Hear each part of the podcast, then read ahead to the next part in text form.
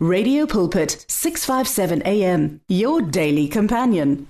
Dumelang batheletši ba ba rategang ka leina la Morena Jesu. Le dumediša ke wa lena wa ka mehla ke mašadi wa ga mathosa. Re buile gape motheletši wa ka we are bringing our theme to a close. We have been talking for a few weeks now about the topic of abiding in him. Re bolela ka go dula mo go modimo motheletši re ithuta gore modimo ge re dutse mo go yena o nyaka re kgosele. Ke rata gore pele re thoma motheletši wa kanke re thomeng ka thapelo. Papa ka leina la morena jesu re tlapela sefatlhego sa gago ga mmogo le batheeletše re tlo kgopela mogau go wena wa gore ditsebe tša rena tša moya di bulege le matlho a rena a moya a bulege.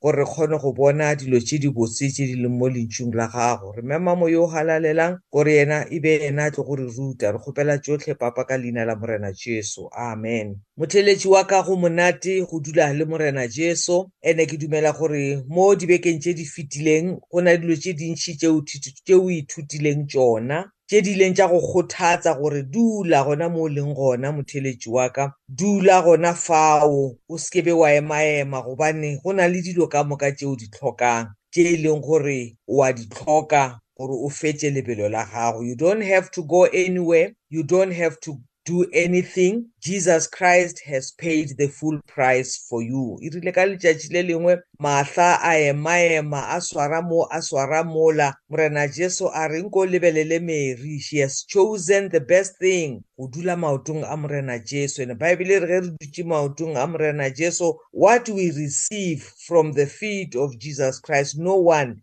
can take it away from us. So motheletši wa ka that is what we have been trying to say. Ge re thoma ka this theme goba go fitlha gona jale ebile re fitlhiša mafelelong. Ke rata gore mamotlha re ba le mo go isaiah chapter 40 re ithome mo go verse 30 lentšu la modimo le re even youths grow tired and weary and young men stumble and fall. But ke mo go verse 31 but they who wait for the lord shall renew their strength. They shall mount up with wings like eagles and they shall run. And not be weary. They shall walk and not faint. Motheletši wa ka, this is the same principle being repeated over and over and over again. gore ge re dutse mo go modimo motheletši wa ka re a kgosela ga re ema-eme gobane go na le tsotlhe tše re di tlhokang gona mo go morena jesu gore re fetse lebelo la rena lentšu la modimo le re re swanetše re tšee our example from mary wa ileng a dula maotong a morena jesu ene baebile re ga o dutse plekete motheletši wa ka go o dutse mo go modimo go o dutse mo go morena jesu seo se humanang mo maotong a morena jesu no one will be able to take it away from me. So le gona jwale lentšu la modimo mo go isaiah chapter 40 le bontšha gore baswa ge ba tse ba ya godimo le fase they get tired.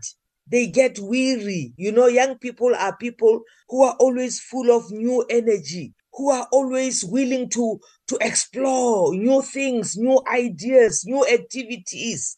ba phela ba ema-ema ba phela ba nyakaza baebile re yona mo you know energy ela ya botšha e a fela you know ore young men they stumble and they fall. So this is a warning to us as children of God. Gore if you try to, to accomplish something on your own, you will grow tired, you will grow weary, you know, you will stumble and you will fall. Mara those who wait upon the Lord, they shall renew their strength. Ye ga se principle ya lefase motheletši wa ka, ke principle ya modimo. You know, sometimes we get lost we lose our way ka baka la go lebelela kua le kua then we are tempted to follow the pattern of the world. Mara, when we have our eyes fixed upon the Lord, when we have our eyes fixed upon the things that are not seen, we have our strength renewed. Isaiah 40 sa bušeletša taba gore ge o dutse mo maotong a morena jesu motheletši wa ka dula don't be tempted ke go lebelela medumo e diragalang ko ntle don't be tempted to go out you know of the territory e modimo wa go fileng yona to go and explore on your own things that are happening out there. The bible says you will stumble and you will fall. You will grow tired and weary. Lentšu la modimo le re the best way to do this life bo go morena jesu is to wait upon the lord and your strength will be renewed. You will mount up with wings as an eagle and you shall run o ntse o dutse mo go morena jesu. Motheletši wa ka bophelo ba rena ke bophelo ba motlholo by just waiting by just sitting lentšu la modimo le re we shall run and we shall not be weary. We shall walk and we shall not faint. Motheletši wa ka i'm talking to you. Ya ka motho e leng gore o sepetse le morena jesu for more than 40 years. The principle i have seen it tried and tested in my life. Gore tsela ye all these years that i've walked with the lord modimo has always said to me mashadi hlala dula wait. You know go tla di di di di di you know the, the trends they come and go. Go tla di fashion they come and go. Go tla di lots of things they come and go. Mara modimo o re if you wait upon the lord your strength will be renewed. Go na le ba bantši ba ile gore thomile le bona lebelo ba ile gore they started you know to, to try and run but they, they grew tired. They grew weary. They stumbled and they fell. Ke ka moga wa modimo motheletši wa ka mo e le gore we discover gore mo go morena all right the secret is just to wait upon the lord. The secret is just to remain at that same place where the lord has put you. Remain fixed. Those who trust the lord they will be like a tree that is planted by the waters. You know motheletši wa ka be like that tree. Go na le metlhare e mentšhi e le gore some of them go bolelwa gore they are over a thousand years old. Motlhare ola o sa le o eme gona mola. O na le medu o na le a supply.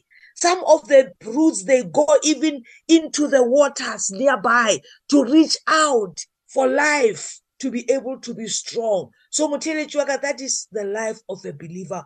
Modimo o re dula mo go yena. That is how your, stra your strength gets renewed. So this is the principle motheletši wa ka ye le gore i wanted it to be written on the tablets of your mind on the tablets of your heart. As we started with this theme dibekeng tše di mmalwa tše di fetileng this is what i wanted you to catch. Gore ge re le bana ba modimo we sit at one place. Go na le meboya e mentši e tlang e feta. Se be wa feta le yona motheletši wa ka. Dula mo go morena jesu.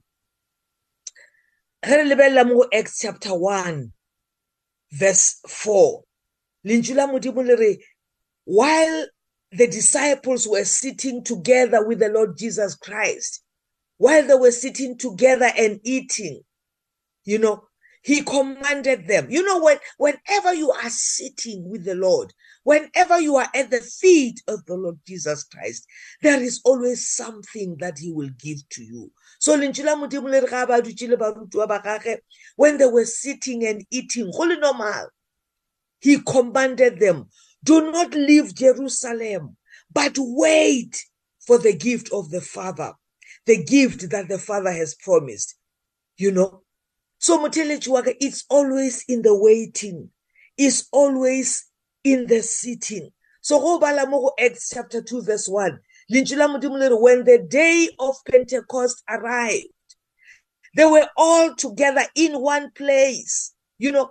They were waiting they were sitting together in one place. And bible as they were sitting suddenly there came from heaven a sound like a mighty rushing wind, and it filled the entire house. Where they were sitting. So, Mutilichwaka, there's always miracles that will happen as you are sitting at the feet of Jesus Christ, as you are waiting. Mrana Jesu ubafile an instruction in Acts chapter 1 and wait for the gift of the Father. And that is exactly what they did. They waited. When the day of Pentecost arrived. They were all waiting together in one place. And as they were waiting, suddenly heaven opened and the Holy Spirit came in like a mighty rushing wind. We spoke about the, the experience of Ezekiel, you know, when he was sitting by the river Chiba. He was sitting with the exiles ke mola in, in psalm 137 dafita a reng dinokeng tša babilone re so mo go ezekiel chapter 1 re kgona go bona se dafita a neng a bolela ka sona mo go psalm 137 mo ezekiel a reng re be re dutse mo nokeng ya babilone e bitswang chiba a re ge re dutse gona mola re be re dutse with the exiles. And as we were sitting Suddenly, heaven opened and I saw the visions of God. So motheletši wa ka o sekebe wa nyatša taba ya go emela modimo gore as you are waiting ultimately heaven will open. Lentswe la modimo le re as you are waiting in isaiah chapter 40 ka mokgo re badileng ka gona e re your strength will be renewed.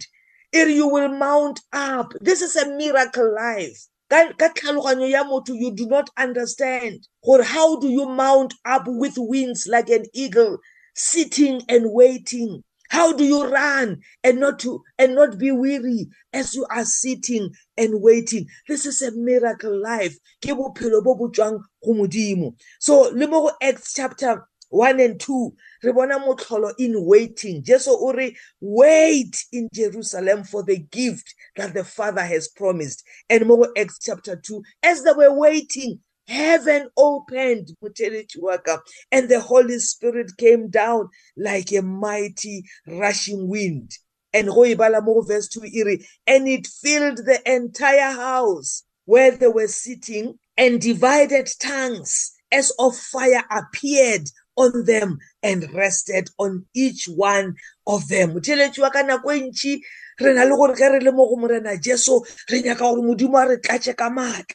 Ge re le mo go morena jesu re rata go bona mollo wa moya o halalelang. You know mollo happens only when you are sitting and waiting. The disciples were sitting and waiting and the fire came. So you don't need to go anywhere, Mutelechi Waka, to go and look for the fire.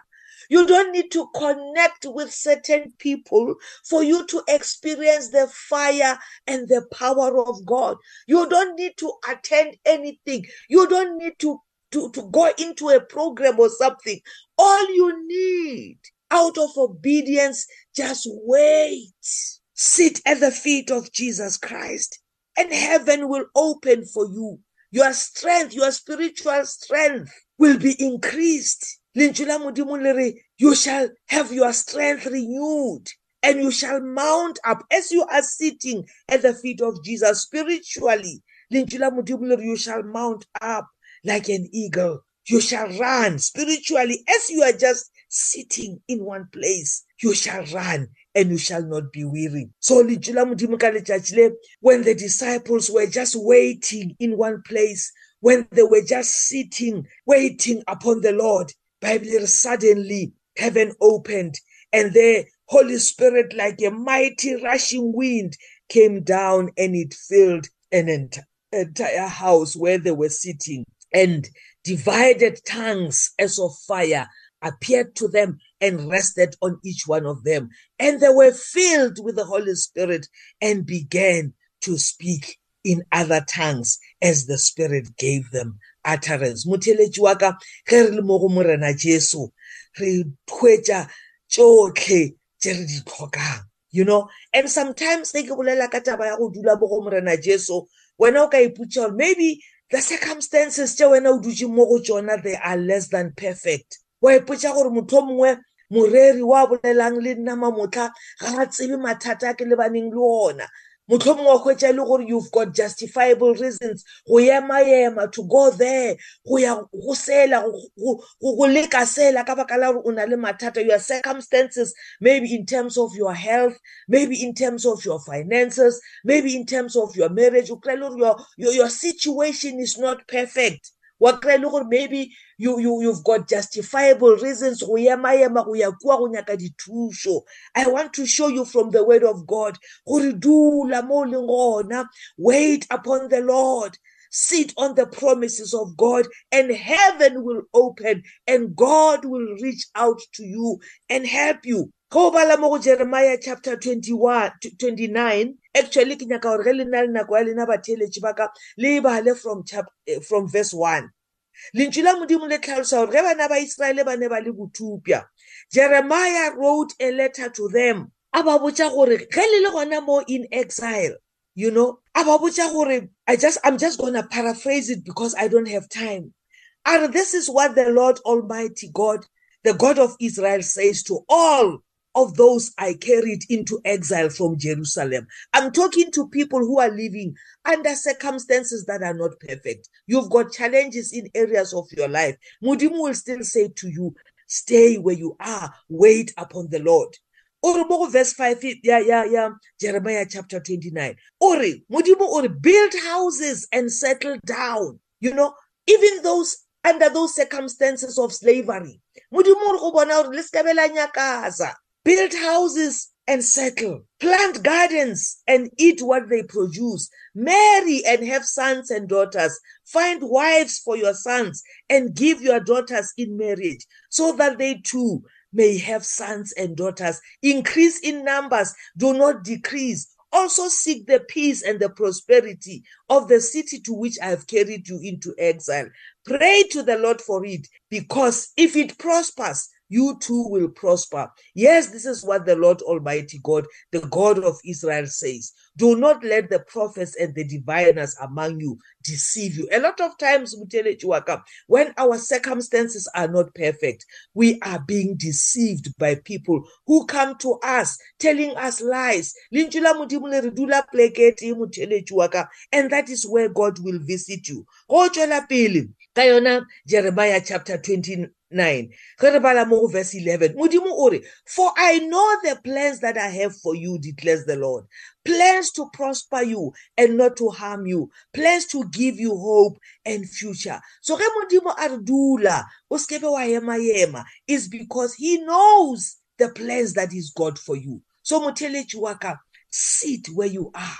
Lela go modimo rapela modimo o re nna i know the plans that i've got for you motheletši wa ka nako e mpheletše a modimo wa kgotso a go tlhogonolofatše The words of the Lord are words of life. Your heart is on 657 AM. 657 AM. Radio for believers in action.